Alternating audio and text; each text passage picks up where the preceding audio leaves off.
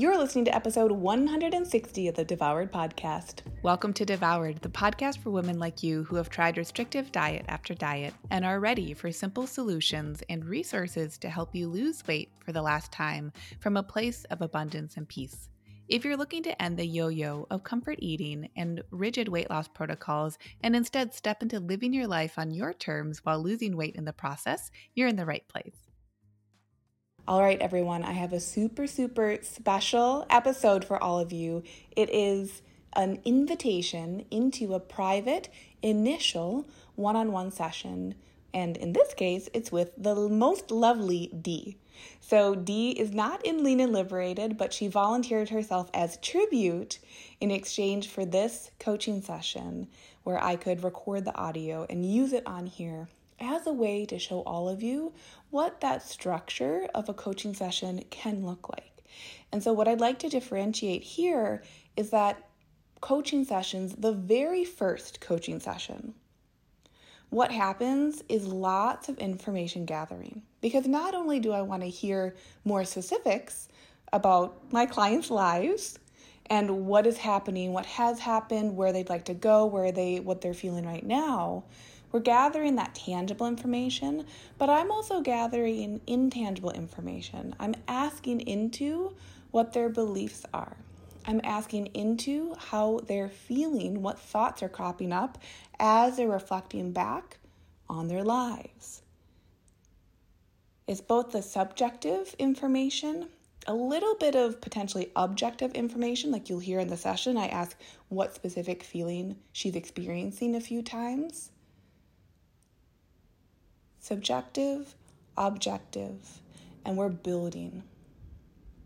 And the reason I wanted to put an initial consult on the podcast is because I want to have a lot of clarity for all of you about the fact that, like, coaching through your own life is always for you by you. It is never the coach's job to push you towards believing anything that you don't want to believe. Coaching is some of the most powerful thought work out there, but no thought is going to stick on a foundation that isn't built from a place of safety. Like a solid foundation, we can't have thoughts that are going to stay put. They're just going to crumble off if the foundation feels rocky. So just notice that through this session, what I'm doing is I'm gathering information. I'm starting to stitch together what might be common thought patterns or belief patterns, and I'm allowing Dee to have the microphone and to share all the thoughts, all the feelings, all the beliefs that she knows and that she might not fully know or recognize. But through that act of sharing and verbalizing what's been going on, that if we were to continue to have sessions together, we would then build upon recognizing and strengthening where she does have full power over how she wants her life to go. So I hope you all love this insight. I want to, again, Dee, if you're listening, I want to honor you and thank you for sharing your story. And I want you to know that you're not alone because as we were recording this, I was like, man, I know so many people are going to resonate with different parts of Dee's story. So give Dee so much love. Let's jump into the interview, and I'll see you on the other side. We're going to kind of start big picture Okay. what is the outcome that you would love for yourself around food, nutrition, you know, a little bit about what we've chatted about? Why don't you tell me a bit about that here? Yeah, I um, you know, the end goal for me that where I would find success in my life when it comes to food, nutrition, physical health, weight, weight management is that it's not a thing that when I wake up I'm not thinking about what I want to eat or how my body feels in a way that's criticizing of it. I, I want to move through my day sitting at a restaurant with my friend and not have that inner voice talking to me about what should you eat? What do you really want to eat? What would be bad if you ate? Um, i just want to sit there and enjoy a lunch with my friend. Um, you know the end goal is sort of freedom from feeling like this is a every moment of every day conversation that i'm having internally. Um, now to get there i think that i need to reconcile my physicality in this world and, and what that means from an exercise and body um, confidence perspective um, and then also the mental component that you know where my relationship with food diet and weight um, consumes my mind. And so you know if if at some reconciliation of both of those things that you know i i love the body that i'm in i feel proud in the body that i'm in i care for the body that i'm in and then also that i have freedom from the reoccurring thoughts of every opportunity um, that would be the end goal for me. Yeah. So both is like reconciliation of like the physical but also the emotional yes while yes. still like understanding that like there's a lot that you have worked on right? So it's not right. like zero.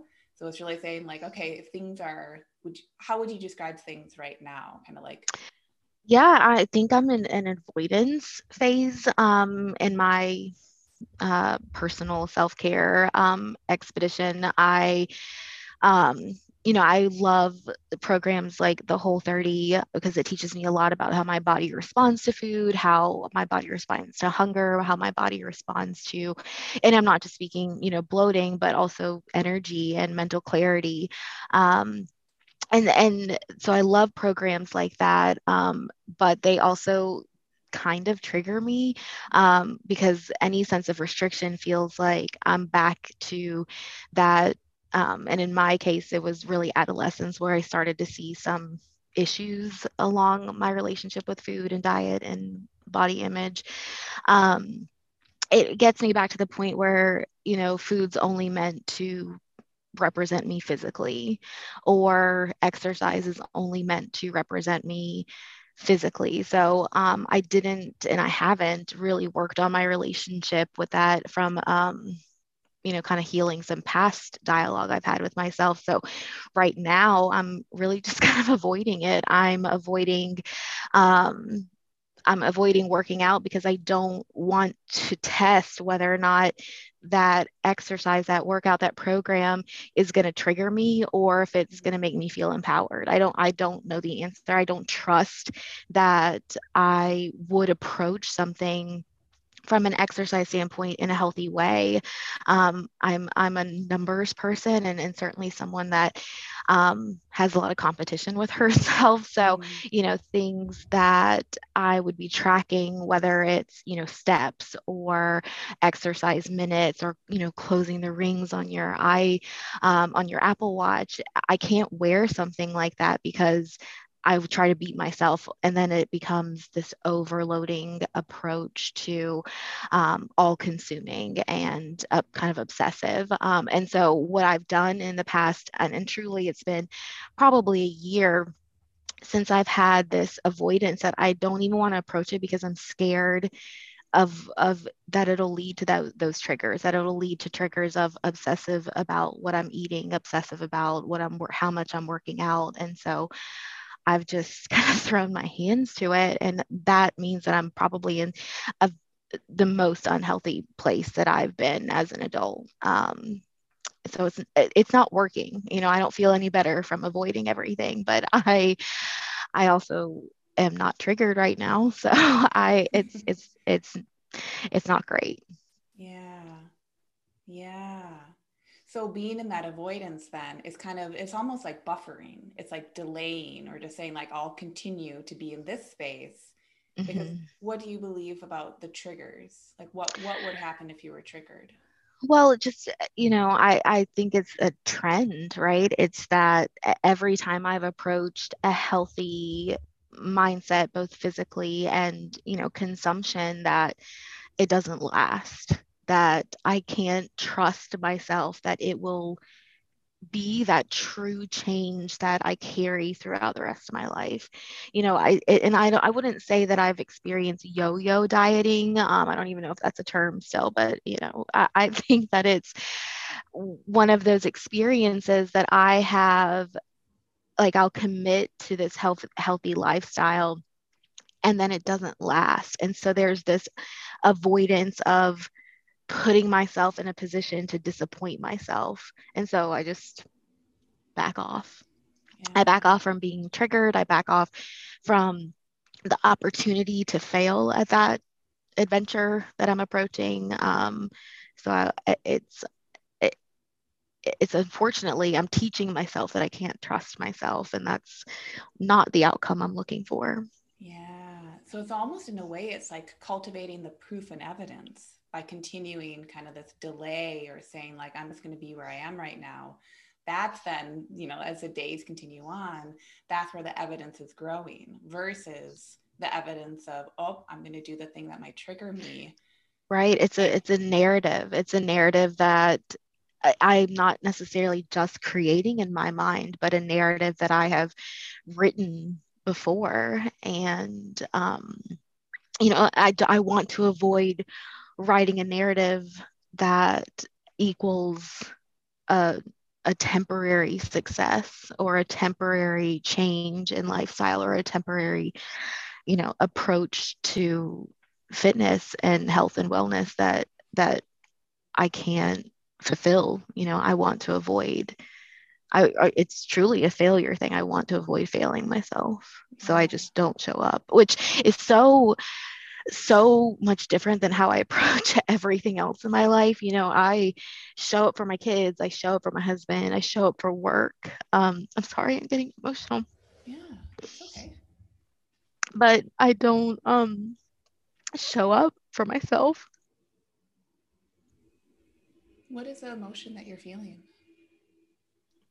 Well, it's just sad. It's sad to say that out loud, you know, and it's also um it's one of those things that I just feel like I'm I'm a successful, intelligent, loved person and how how can I be faced with this like stereotype of you know women who don't care for themselves? Like i'm smarter than that you know? I'm i'm i'm more aware i'm more in tune with myself to be offering that kind of life for myself. And so it's just you know having to say something like that out loud that i really you know admittedly saying i'm in my own way like I'm the reason why I'm not living in in the best version of myself is an, an admittance to okay well now that you've said it out loud you've got to do something about it. You know now that you've said it out loud it's yours to control it's yours to manage it's yours to understand and move forward and progress and i don't know you're confronted. It's, it's like okay i'm really going to look in the mirror right now. And it's not it's not like looking in the mirror and saying i don't like my arms or my legs or my stomach but it's looking in the mirror saying how how did you not love yourself for so long mm. and get to this point can i ask when you're feeling the sadness first off where do you feel it in your body right now um it's like a heart chest thing. It's mm. um it feels like I'm holding my breath. Um and like I just want to release it. Yeah. Have you felt permission before to feel this sadness? Yeah, I, I there's been moments, there's certainly been moments where I've let myself sit in this. Um and I've given myself permission to sit in it. Um, I, I wouldn't say that I've released it, you know, obviously it's still coming up, but I haven't, um, I haven't resolved it. And um, I also kind of get in the mindset of, you know, there's a thousand other things that I could be spending my energy towards. And it's just becoming more and more evident that this is the priority. This is the place that I should be dedicating my energy towards. Um, and I know it sounds, I don't know, kind of self deprecating, but it just seems so silly to me. It seems so silly that I'm mm. crying about, you know, not caring about myself because like I could care about myself, you know, it, I don't have constraints. I, I in, in, terms of finances. I don't have constraints in terms of time. I don't have constraints in terms of support from the people surrounding me. And so to me, it's it's like I'm faced with something that would make perfect sense if I were giving you know feedback to someone else like well just do this you know just you know you wake up before everybody else in your household take time for yourself. And you know something is so obvious when i when i am reflecting on it and yet i'm not doing anything about it. I'm you know kind of paralyzed in the place that i am. Yeah. And it's just it's so contradictory towards so many other elements of my life because um, that's not how i would approach anyone anyone i care about any position I hold and you know it's just not it's not who I represent myself to the world as but yet it's how I represent myself to myself. And that's yeah. just so it's such a contradiction. And why is it a contradiction? Well because you know I guess it's because it, it matters most. And to me to see the contrast of how the world engages with me and how I engage with the world and, and I'm using that as a loose term but it's it's the relationships that I have it's the business ventures it's my kids my own family like how I project myself into the world is um it almost seems like I'm gosh playing a part mm. um because it like the true core of me is the one sitting here crying about how I don't I don't treat myself in a loving way and I don't I don't spend time on myself. Um, and so that that seems like a contradiction and it, it seems disingenuous and that there's an opportunity to me for me to live authentically as myself um, and not feel the two worlds you know. Um, I had a long time ago this aura reading mm. and the woman said to me she's like you have so many beautiful colors all around you but you're so dark like your core is so dark and you know that's a hard thing to absorb um any strange person telling yeah. you that but but i it it's not it's also not not true um so that it, it that contrast like i said all this all this light and energy and color and fulfillment i have in these external components of my life um and then there's there's like the me that's quiet you know when i'm alone in my head like who is she and why isn't she all of those light colors all around her mm. So you had mentioned too, if I if I can go back, you mentioned something about in your adolescence. Yes. Yeah. Would you I would love to hear a little more specifically what you were Sure. Um there. so um there, you know, my adolescence, I moved uh towns coming into middle school, you know, had to meet a whole new group of people, set up a whole new life. Um, obviously, that was a, in a, a young person's life a, a, big transition because i'm you know that's really when you're coming into your own and, and, like identifying who you are as a person and understanding what that means. And um in in that transition to a new place it was um opportunity to also embark on new friendships and relationships. And as i began you know relationships um, and you know crushes and flirtation. Um, a lot of that happened in secret. Like there wasn't public you know holding hands or boyfriend girlfriend. And um, it was really um, and I didn't really know any different. I was like, well, maybe, you know, maybe this is what is normal that, you know, we have this secret relationship. And it kind of felt um, our like special little secret and it didn't feel bad at the time. Um, but as I got older and moved, you know, through high school, um, I kind of approached a lot of my relationships in secret and the definition that started to form in my mind was um, that I'm not good enough.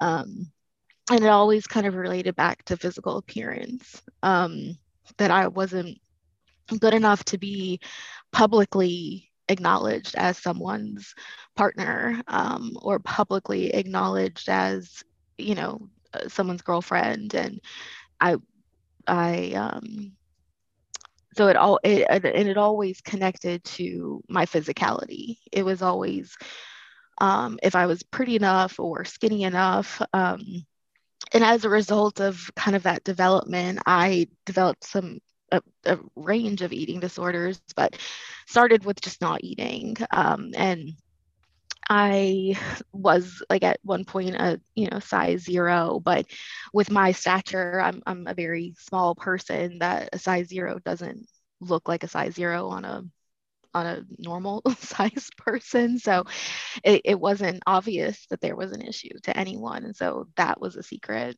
you know, that I just wasn't eating and it wasn't anyone's business um, or anyone wasn't aware of it.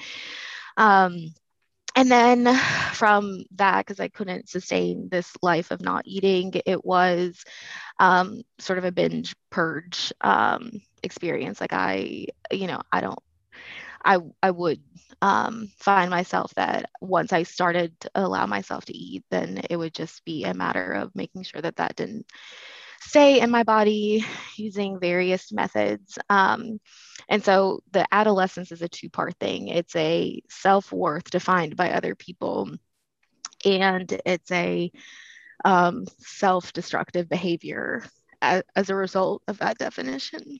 Yeah. And is that bringing up an emotion now? Yeah, it's it's it's just it's one um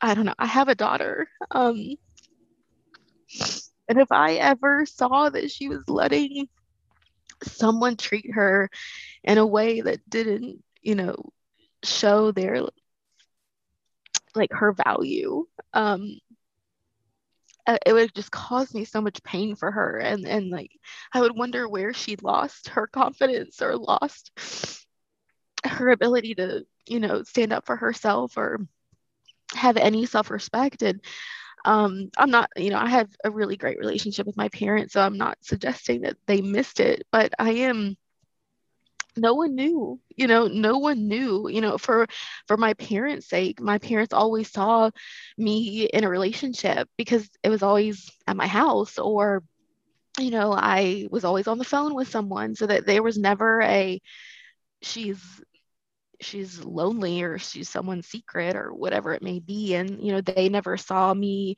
struggle with diet and weight because um that was also a secret. So i think it's um, just hard to reconcile being a parent now what what i would feel for that little girl. And you know when i think about myself as an adolescent like i feel for her. I feel feel like she needs a hug. Um, yeah. And I just, I just, I, I don't know how to resolve that. I don't know how to move on um, because it feels so real. Like it still feels like I feel her pain. I feel what she suffered through. I feel the shame of the secrets. I feel the shame of of letting you know the world define who she is i feel i feel all of those things and i truly don't understand how and and you know i'm open to, therapy i'm i'm open to all realms of therapy so i i just don't know how you heal that kind of trauma and move on or that you heal from that kind of trauma and it doesn't show up in your life mm. um in in other ways so I'm sad for her. I'm I I also just want to move on from her. I want I want to be, you know, who I am in this world um and be be not still pained by by those things. Yeah. How often would you say do you feel that pain? Um only when I talk about it. um which it, truly it's you know what what exists today is more um, just the dialogue I have with myself about my physical appearance. You know, like exer- exercise for me was always to look a certain way. So it, you know, I exercised either as a punishment for eating too much or eating the wrong thing, or I exercised to look a certain way. Um, so it, I don't have a good relationship with exercise. Um, and I, I mentioned earlier just how I'm always kind of competing with myself. So it tends to be you know, if I do something like Orange Theory or use my Apple Watch and there's just numbers associated with um, what I'm doing, if I, you know, the next day I have to beat those, or, you know, if I ran two miles today, then I need to run two and a half tomorrow, and and so there's, um, there's opportunity there to to move on um, and and have a better relationship, you know. And the silliest part of it is that I feel so much better when I work out. I sleep better. I am more patient. I am more tolerant. I I'm in a better mood. My moods are stabilized. My anxiety is stabilized. So, you know, it's I see the benefit from more than just physicality. It's just that's that's where I'm stuck. I'm stuck in associating you know working out with um with something wrong with my body. Um, and the same goes for food. I I think about I where that adolescence shows up when it comes to food is that I, even though I feel nourished by food and I feel like I've learned so much about um, what foods make me feel good mentally and and you know what what that unprocessed life feels like from a mental clarity by experiencing the whole 30s that I've done I I still sit at a plate and I'm like disconnected from the food. You know, I'm I'm not I'm worried about the food. I'm worried about what it does to my body and you know, if I do have a goal of you know, just call it what it is. If I do have a goal of weight loss, is the food I'm eating going to get me there? And and if that's the only reason I'm eating this, then is is that really fulfilling? So the adolescent shows up less in a way that i'm you know sitting here crying about it um, on a regular basis or feeling the way i feel about it on a regular basis but more in just the the little moments of my life of you know okay i woke up early today i could jump on the peloton like and i don't because i i don't i don't I'm scared of what it feels like. I'm scared to be upset about it um, or to not feel like I'm doing something good for myself. Um, there's which, like which a, one. If I can interrupt, which yeah. which part feels like there's fear or is scary with that? Yeah, it's that um, that I don't want to feel like I'm just working out because of how I feel about my body. Um, because I, I don't want to continue that narrative.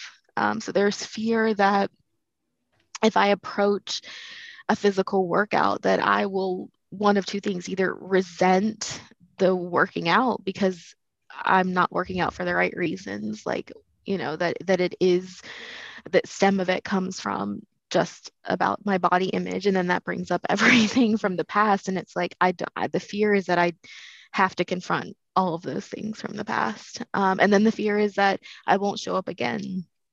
It's like, okay, well, you did good. You felt good today. So you got on the Peloton and you did it. And then the fear is that I won't do it tomorrow.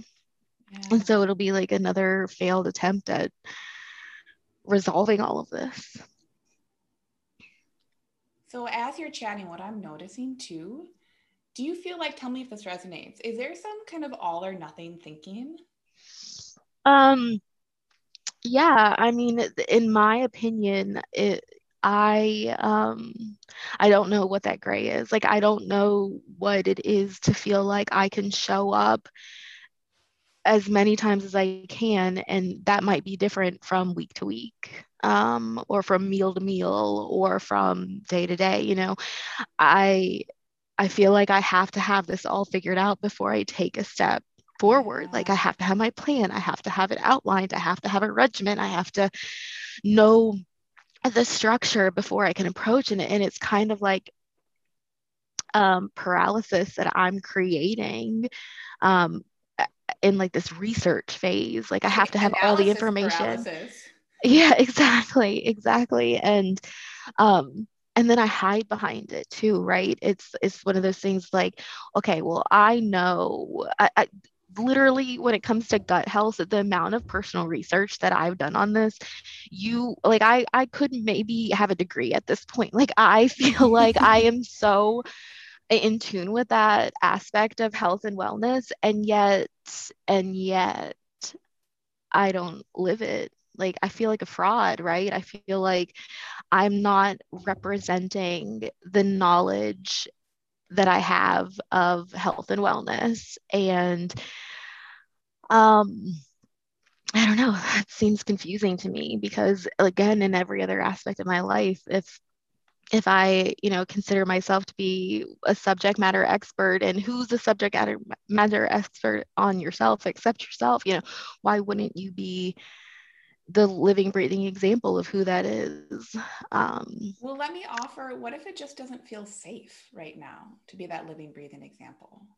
Yeah. Well, and, and that's a great point. I just don't know if it doesn't feel safe because I've avoided it or if it doesn't feel safe because you know, like I, I don't know. I don't know. Do you cry it out until you haven't, you know, cried or you've gone it out? You know, do you, I don't know.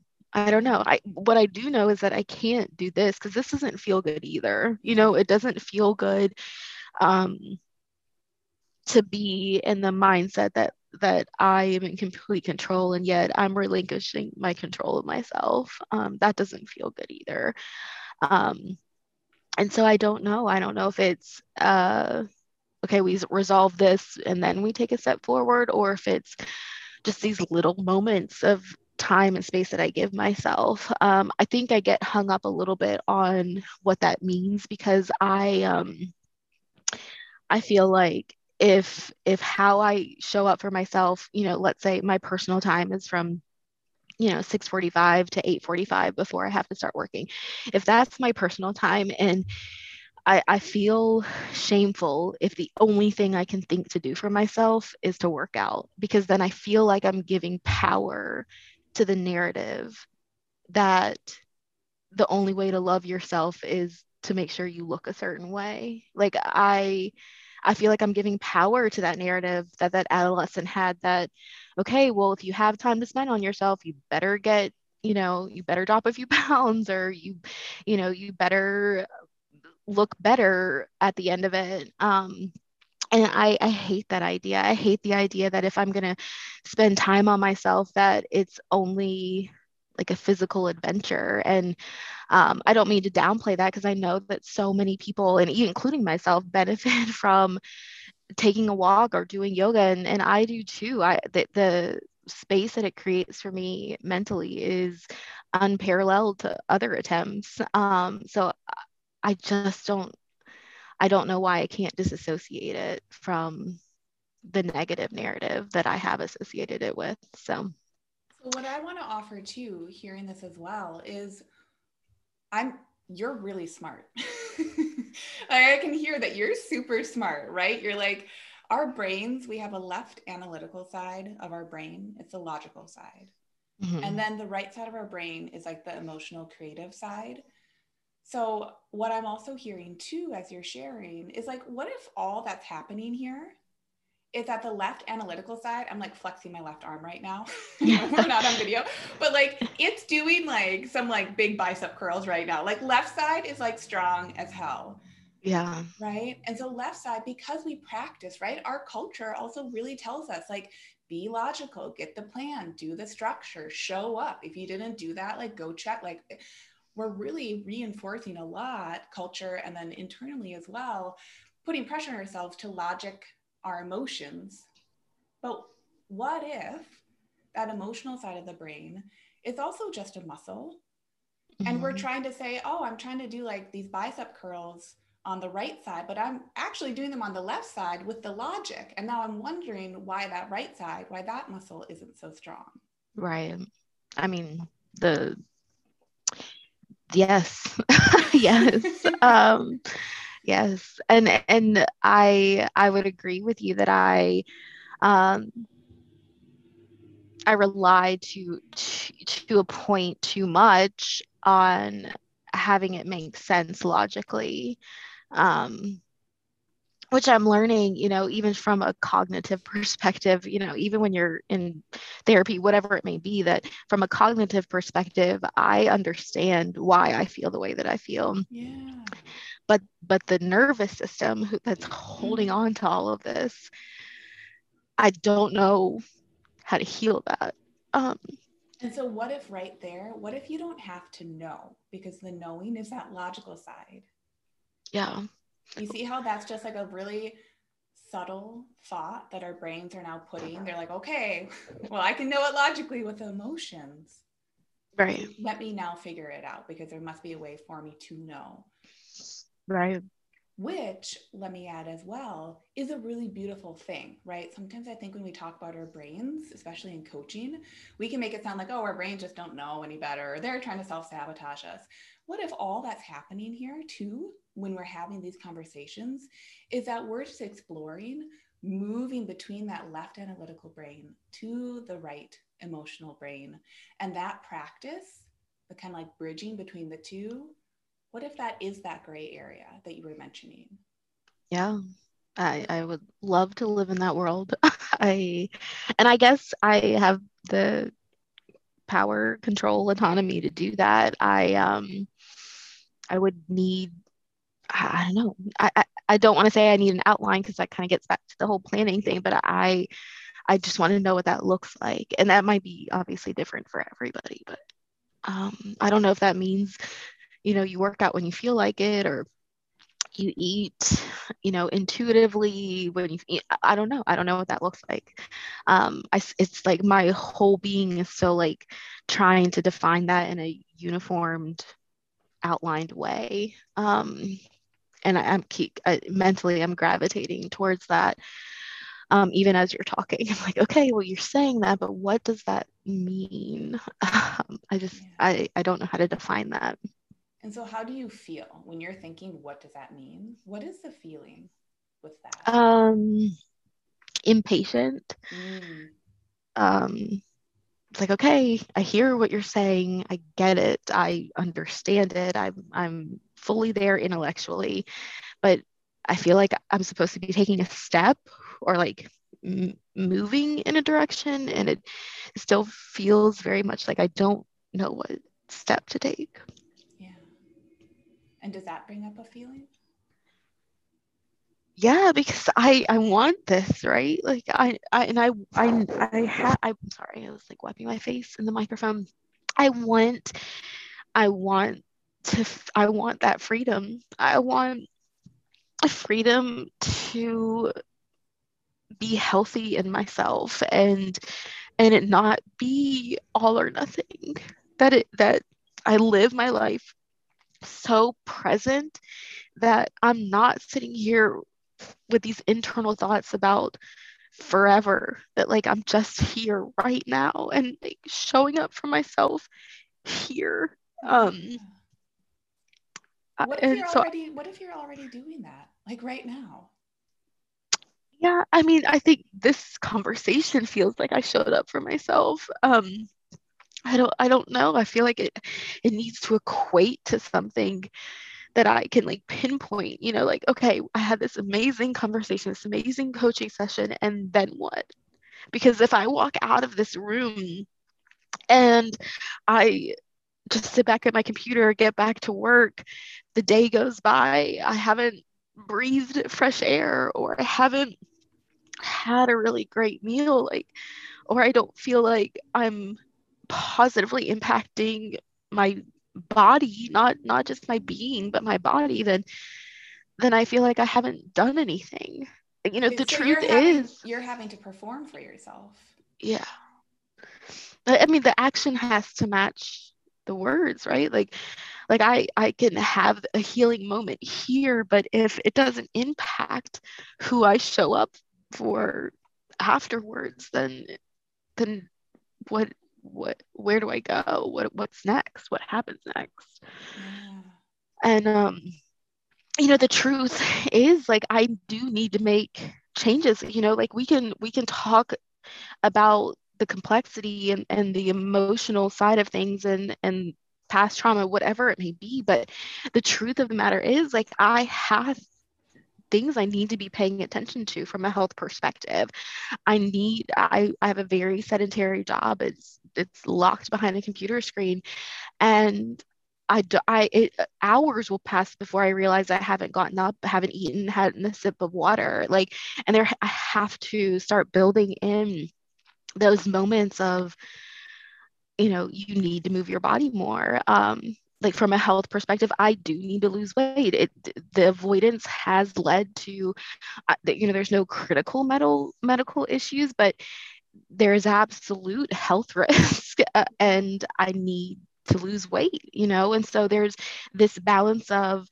okay, like I can show up for myself in a way that feels genuine and authentic and and and that's one thing, but I also need to know how to lose weight. And I also need to know what foods um, help me to do that. So I think I think there to me there has to be some level of plan or regimen or outline um yeah what if the and, and i don't know how to balance those two things. Yeah. Yeah and i think our brains very often will say like well give me the action and then the thoughts will follow so part of this is also just saying well what happens if we actually allow for the thought to come first right because we can plug and play a lot of action. I think that's part of what you've been sharing. You're like, well, I can exercise, but if I'm exercising and going to Orange Theory and I'm looking like I'm doing the tracking, right? And like the tagging right. and the competitive part, right? You could go to Orange Theory and have that experience. Or you could go to Orange Theory and have like a bomb ass experience. You're like, yeah. I feel like I feel like myself, right? Like, or that was yeah. hard. I challenged myself. But the only difference between those two scenarios and actions are the thoughts that precede them. Right. Right. I mean, you're right. I I actually love Orange Theory, but I got to the point that I was tracking everything so much that I started doing two a days. Mm. And that burns the person out really quick. Yeah. And and so then from the minute like I felt my body rejecting that workout or feeling like so negative about being there um i quit and then and then i quit it all like it wasn't it wasn't like i quit that so i started walking and like having a much lower impact workout or i quit that and i did yoga or i decided to focus just on weight training. Like i didn't quit that and like start something new. It's like okay i can't do this. This put me in a really bad place. I don't want to feel this way. I'm done. And then it's door shut. Yeah. And maybe that's just what felt more like most familiar. Well, it, it all it felt like a pres like like a self-preservation. Like yeah. if you continue doing this, you are going to break. Yeah. What what I'm confronted with now is though I'm in the same position. If you continue doing this, this being the avoidance, you are going to break. Yeah. So let's honor that your brain has done a really good job of like finding the all or nothing. Right. Yeah, right? Like there's been some definition. Okay, two a day that orange theory, that's going to like blow my body out. I don't want that. Right? And what's the opposite right. of that that you're defining you don't want? The the lack of any commitment to myself. Yeah. Right? So I think we get to honor that your system, it has created that paradigm and it's been really uncomfortably comfortable, right? It's like you're like, God damn it, I know this. like I see this pattern, right? Like I logically can see myself doing it. But part of our brains, when they're having these patterns, is that they're going to try to say, well, okay, if I don't want this pattern, how would I get myself out of it with the same pattern, but in these like subtle, nuanced ways? oh right. i better have it all figured out ahead of time oh i have right. analysis paralysis let me go like not do any of it mm-hmm. so i just want to offer that our brains are amazing that's why i keep mentioning it right like they're always just trying to keep us safe and so if we really just start to play around with the curiosity of like what if what if I do actually, even if it's just like pinky toe and like the kiddie pool, yeah. like the tiniest little dip, what if I do actually know what the pool of the gray area feels like? What if I don't have to have it all figured out? But what if my brain is just so accustomed to looking for the all or nothing because it mm-hmm. felt safest doing that, that I've actually maybe do have plenty of instances of that gray area. And my only job now is to do that difficult work, right? Because I also hear you saying, like, well, talking is great, but like, what's going to come of it, right? Like, after this session, like, what what what's the benefit aside from maybe feeling nice talking about things for an hour yeah so I, is, I, yeah that is where the rubber hits the road and there is like we can talk about things but that the idea isn't to like feel so comfortable that we're like oh yeah um, like nothing's gonna happen. No, all of this is to say, like, we're simply looking at how have we been reflecting? And what are we noticing with those thought patterns? And once we have, start to have some of that self awareness, let's now do that work because it will be work. Let me tell right. you, shifting our thought patterns is work. And our brains might like throw temper tantrums, but that's okay. you know that movie, um, Eternal Sunshine of a Spotless Mind? Yeah.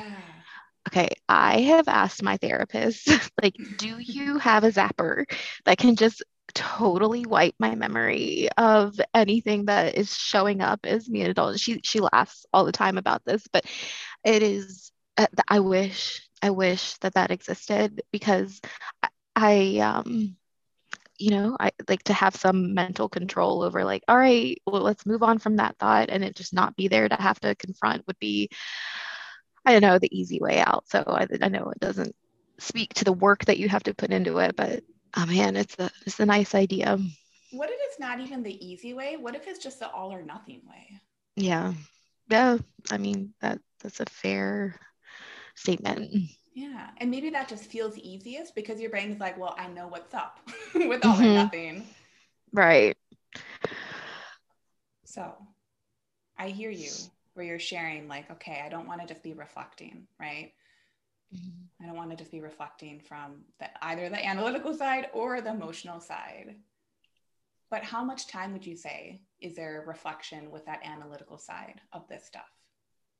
Um, you know, during the avoidance stage, I get to avoid that too.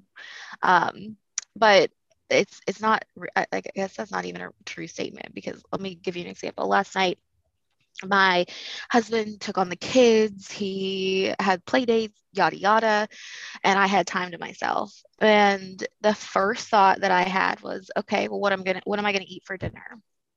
And I was so pissed about that. It's like why is that your first thought? Like, why isn't it?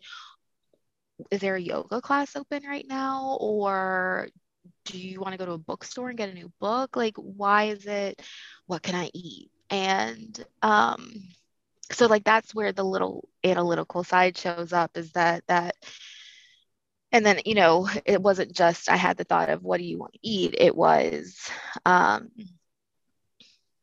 then thinking about the fact that that was what you want to eat and then i had to make sense of that and then i had to confront that and then i had to you know and um you know my husband's like texting me like what are you doing? Like you better do something for yourself. And i when someone says that to me like you should spend time on yourself you should do something for yourself it puts me in this place of like panic because i think i I think I don't know myself. I think that I don't I don't know what I want to do with my time. When when I when given the opportunity of time and it's it's me, like I can dictate it however I want without impacting anyone, I have fear in that place because I don't know who I am. So it says things to me like myself says things like um hey babe, what should I do?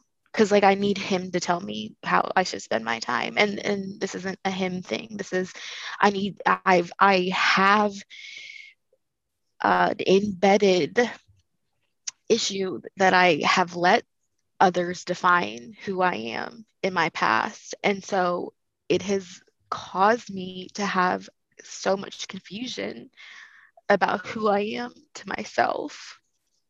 And so, you and know, are, are some, you are you allowing yourself to have like actually be in that confusion? um, well, no, no, I wouldn't say I'm allowing myself to be. Well, I, I am in that place, Yeah. um, but it feels real shitty. Yeah. Um, it doesn't feel good. Um, and it's stupid stuff. get out of? It's stupid stuff. It's like, what do you want for your birthday? I don't want anything. It's what do you want to do for your birthday? I don't know. It's you know, it's and it's just like these little moments of when I'm asked by someone else, what do you want? I don't have an answer. And when you're asked by yourself, what do I want? What happens? Um, I when I ask myself, what do I want? I feel the weight of um, how long I've been detached from being able to answer that question. I feel the weight of how long I have spent not committing to being able to answer that question. yeah.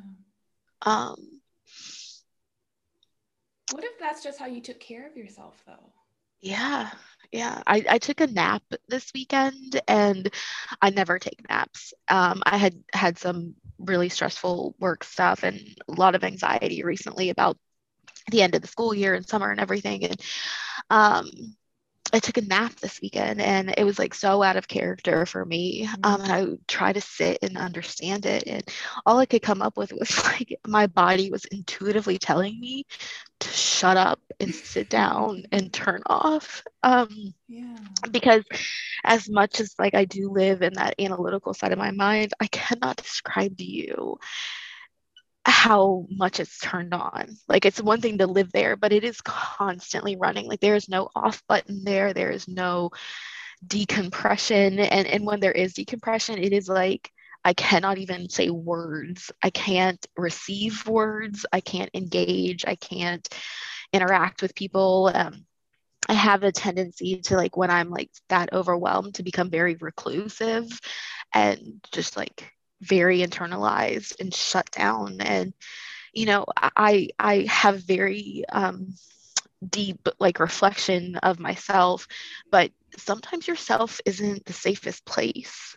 Um like sometimes you can't trust what is being orchestrated in your mind like some self-fulfilling prophecy versus um, what is reality. And like deciphering through that jungle by yourself when you have a tendency to go inward i don't know it's, it's a big mind game you end up playing So it would make a lot of sense then that you're putting pressure on yourself ahead of time to have it perfectly figured out. Well, yes, I should. Like, I have all this time. I should go for a walk. I should go do yoga. I should meal prep. I should jump on the Peloton. It's like I should.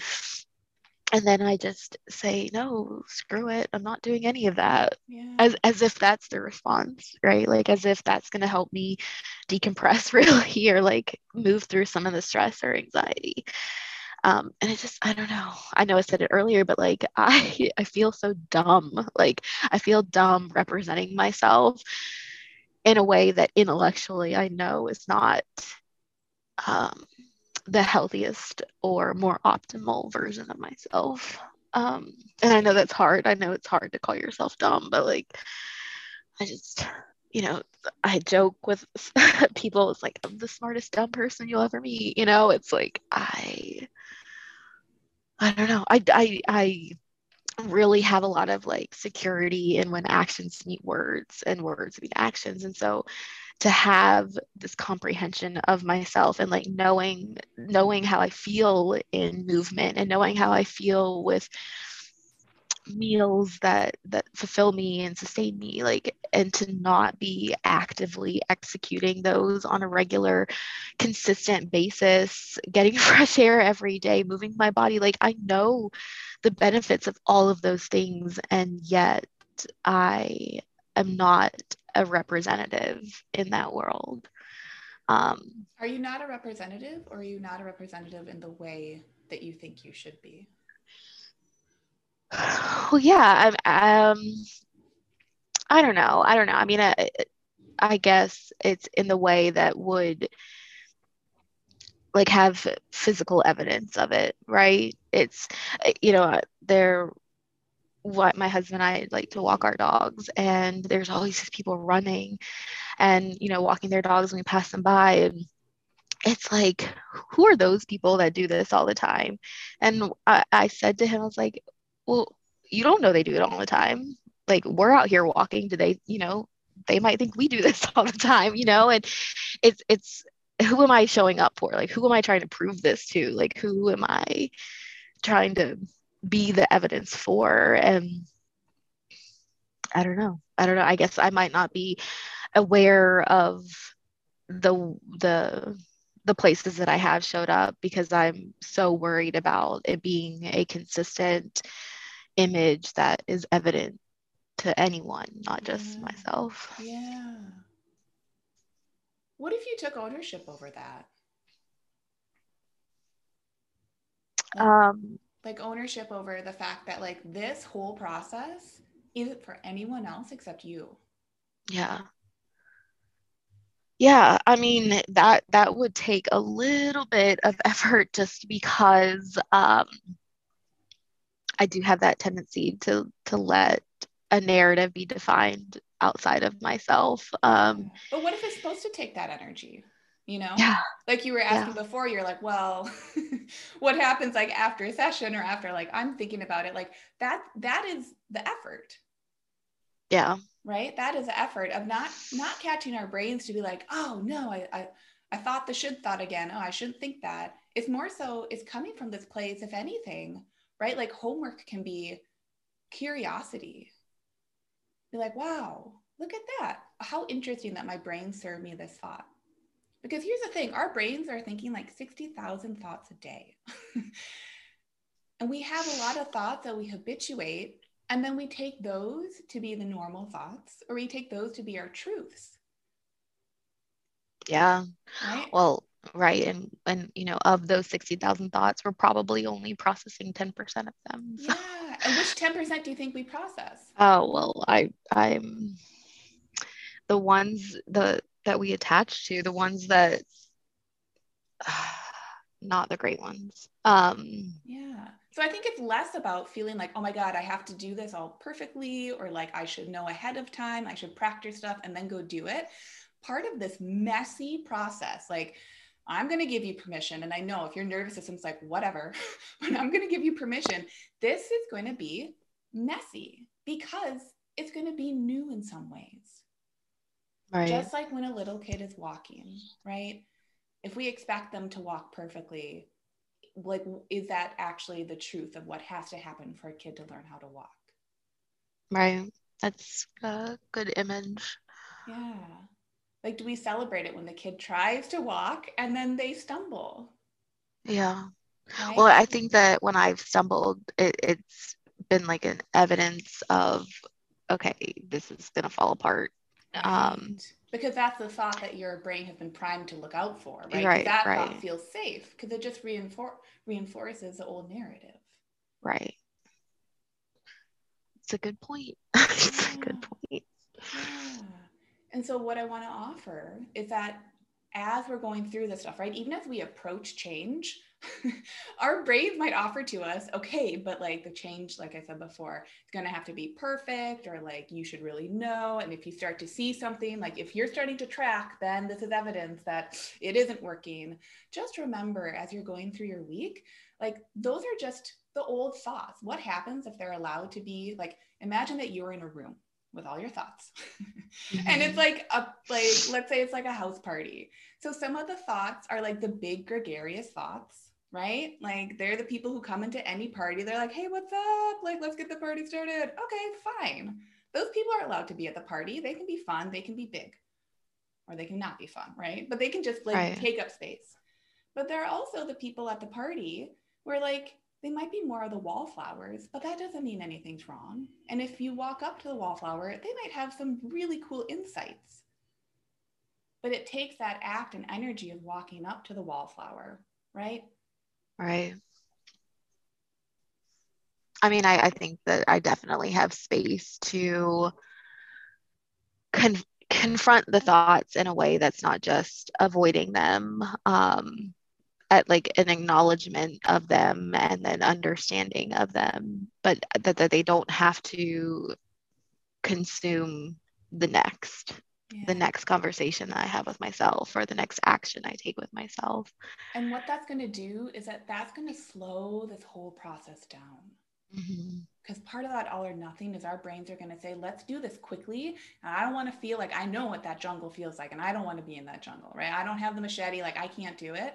So, so we also have to slow things down to say my only job today is like one step. Right. Right? 1% today because what happens when we do the 1% and then we give we leave enough in our cups for the next day yeah I mean, those bite sized, more digestible pieces seem much bigger than um, approaching it from a collective comprehension of how everything should look. Yeah. Well, and it allows things to look like different, like to have some flexibility to not um, like, you know, it's so silly to build a regiment and then beat yourself up for not adhering to it and yet you were the one that created it so yeah. like why shouldn't you have some fluidity in that right because if this regimen is for life right yeah. it actually has to flex with you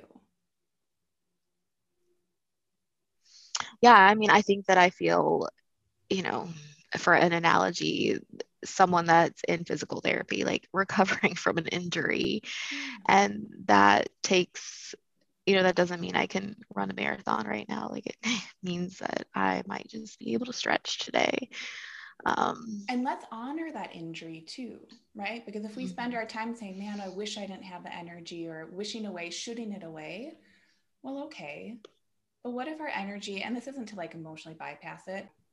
So it's not to emotionally bypass right? We get to grieve the injury. I wish it hadn't happened right? We get to be in that space. We get to feel it.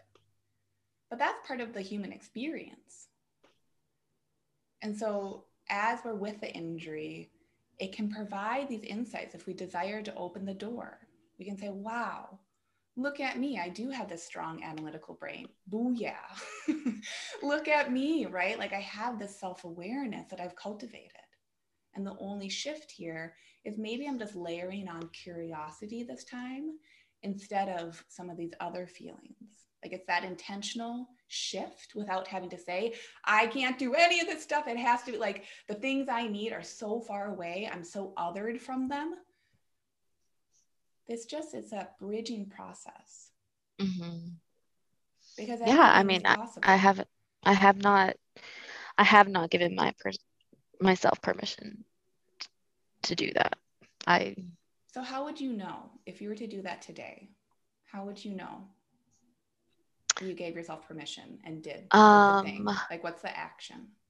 Yeah, I, I think that um, one, I do need to recover from this conversation because it, you know, I, um, I think allowing myself to have some reflection points of this conversation um, and whether that's through journaling or just some meditative thought or or just a few minutes talking to myself um, i think that i can create you know a, a not a regimen or anything but just create something that i am willing to commit to myself for. Um, and and that might be that you know the first 10 minutes of your day is time to sit here yeah. and spend in this space. Um, and that that might not mean that i you know am losing weight but it, it might it might equal that at some point. Like it might all be connected. Um, but I, I do feel like it does have to be progressive um, and you know not feeling bad about the place that I'm starting. I did I yo- I did yoga a couple weeks ago and it was like the first time that I had done yoga in over a year and so I, I, I found myself as saying over and over again just be where you are because I was getting so hung up on the fact mm-hmm. that my poses felt different or the stretch wasn't as deep or I was using blocks in positions that I didn't typically need a block and I was like just just be here. This is this is where you are. Like don't don't get hung up on where you were you know what it used to be. And I mean it goes both ways. Like what it used to be even if it was negative then like you're still not there. Like i'm still i'm still not the adolescent that let the narrative be built by people around her. Like i'm still not her. I'm not there. So i can say that i need to be here um, yeah. even in that in that realm too. And what if letting that narrative be built was actually the most adaptive response that you had in that moment? Yeah. And that right now it's just like it's just no longer adaptive and that's why right. it feels bad but it doesn't mean it was bad. Right. It's just kind of like maladaptive like you've grown up and out and beyond from it.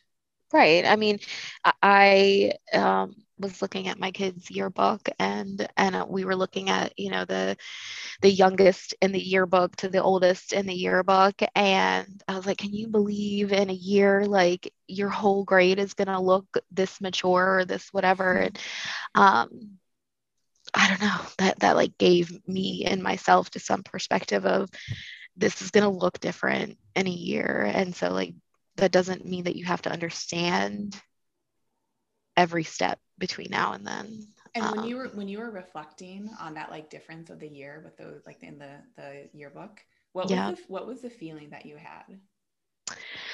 Um i mean i thought it was exciting. I thought it, it was exciting to see um that type of progress and that type of maturity and that type of development um so that right there I want you to remember that moment because that is you practicing this stuff.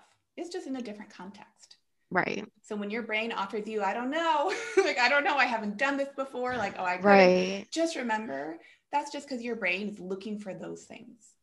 Right. Right. So you that's actually do practice. You, yeah. You do practice it. It is available to you. And the work is like kind of, I always think of like tire tracks in the mud, those default thoughts like thought habits, they're just like big tire tracks in the mud because it's like, well, why not? Like, just we'll drive in those because that's where the tire tracks are. So it might feel a little messy when we're driving on a muddy road and we don't have like the grooves of the tire tracks to drive right in, but that doesn't matter. It's just those right. are maybe more comfortable, but nothing's gone wrong when you're like, oh, I'm going to slip out of those. Woo, you know, it's kind of muddy. Right. Like, ooh, okay. You get to go ahead anyway because you know how to drive the car. Right. I mean, it feel like talking about this in the in this environment, this context, in this slowness is uh, it seems so achievable like it seems and i don't i'm not suggesting that this is like a little vacuum but you know i i do want to apply it yeah. in in the next five hours of my day and, whatever that looks like um, yeah. now just give yourself time with that too like you said right like after you come off of this call feel free to shake things out move, it, move the energy through your body. Like, feel free to look like such a weirdo and just right. let your body do what it's going to do. Because this, all of this was emotional processing. Yes. Yeah. So I, that I feel like, that. Yeah. I feel that. Maybe drink some water, hydrate, right? Your brain, yeah. like again, just think of it like that bicep curl. Your brain was doing the bicep curl on the right side of your brain when it's totally used to doing the left side. Right. Yeah. Right. So there may um, be a little um, bit of soreness, and that's okay yeah but it, it does it, it uh, you know genuinely it does feel like I, you know, earlier on, you're like, where do you feel that in your chest? Like, I can't breathe, like I'm holding my breath. And it does feel like I've slowed my breath, that I'm releasing the air, that I'm not constricting. And, um, you know, I do sense the shift. So um, I appreciate that. Yeah you made that shift happen. Let me let me remind you. Yeah, yeah. I um I was not expecting to cry today, but but you know, we all have different plans. So yeah. that's the logic of our emotions. They're not going to act in the logic of our analysis. So we just get to say, "Okay, I'm here. I'm here for that ride." So, I'm really proud of you. You did amazing things in this last hour. I appreciate you and your guidance to work through that. So yeah. thank you. All right. So that was my interview and first session, what an initial consult can look like with someone. So as you saw with Dee, there was a lot of information gathering that was occurring. We had chatted a little bit in the DMs. I had known a little bit about her story, but I need that information to be able to more specifically pinpoint what her experience of her life is. And as you could probably see, we honor that. In the first in the first coaching session, there was really no need to challenge anyone. I think sometimes coaches really want to like challenge their clients and like get them big wins and like whatever that means. To me, that's all the coach's ego for their ego, like it's ego stroking. The, the very first session is very much about that information gathering, as I've mentioned, and allowing the client to have that full scope of what it's like to actually pay attention to themselves for an hour and to be held in them sharing their stories exactly as they're going to share their stories without having to do anything about it. Because isn't that one of those subtle patterns that, especially as women, we're moving through our lives? And I think you could hear that in part of Dee's stories too. We're moving through our lives with a grand level of self awareness, and then we feel like because we're self aware, we have to do something about it. That's an extremely exhausting way to live. So, even having the ability to share a story without having to do anything about it and trusting, and it might feel like a bit of a trust fall, but trusting that that alone is what can help our nervous systems begin to feel safer. Because all of this always boils down to safety. That's why I like to say these sessions, and really anything we do, is for you by you. If you want to lose weight, great. The journey is going to be for you, by you. It doesn't mean it's isolated and lonely. It means it's actually you stepping into your ownership of saying, This is my life. These are my thoughts. These are feelings I experience, and I can own that they're going to pass through me. I know that I can cultivate that jungle within me, and right now I might have stories that feel very true that it's a bad place, that the jungle is not safe, but over time, as I start to explore it, then I can start to create that proof and show myself that that is the most beautiful jungle and rainforest there ever was. That I can take the ownership over the fact that new and bad are not the same thing. So I hope this episode found you all so well. I wanted you to see that structure of the beliefs, information gathering, the ecology of decision making, how we come to taking an action towards the end of a consult, of the checking in of the feelings of how someone's feeling in the moment and what how and why that shifts throughout the hour. And that emotional release. And like I said in the consult, this is that emotional bicep curl. It's the right emotional creative side of our brain. Getting a workout when it's like maybe hasn't felt like it's had the space to do the workout. That left analytical brain, the left side, usually is very strong for a lot of us. It's done all the bicep curls, it's doing it all day, and it's getting rewards for that. And that especially is why I think some of this process can feel weird at first because it doesn't feel rewarding initially to do the bicep curls. It just feels like soreness and torture on the right side because we're not given the accolades by our society to do the bicep curl on the right side. No one's given us the treats. So it's a paradigm shift in multiple ways. So go back and listen to the episode, take your time with it, and I'll see y'all next week. Did you know you can find more support from me on my website? Go to Lucia Hawley, L U C I A H A W L E Y dot com to connect.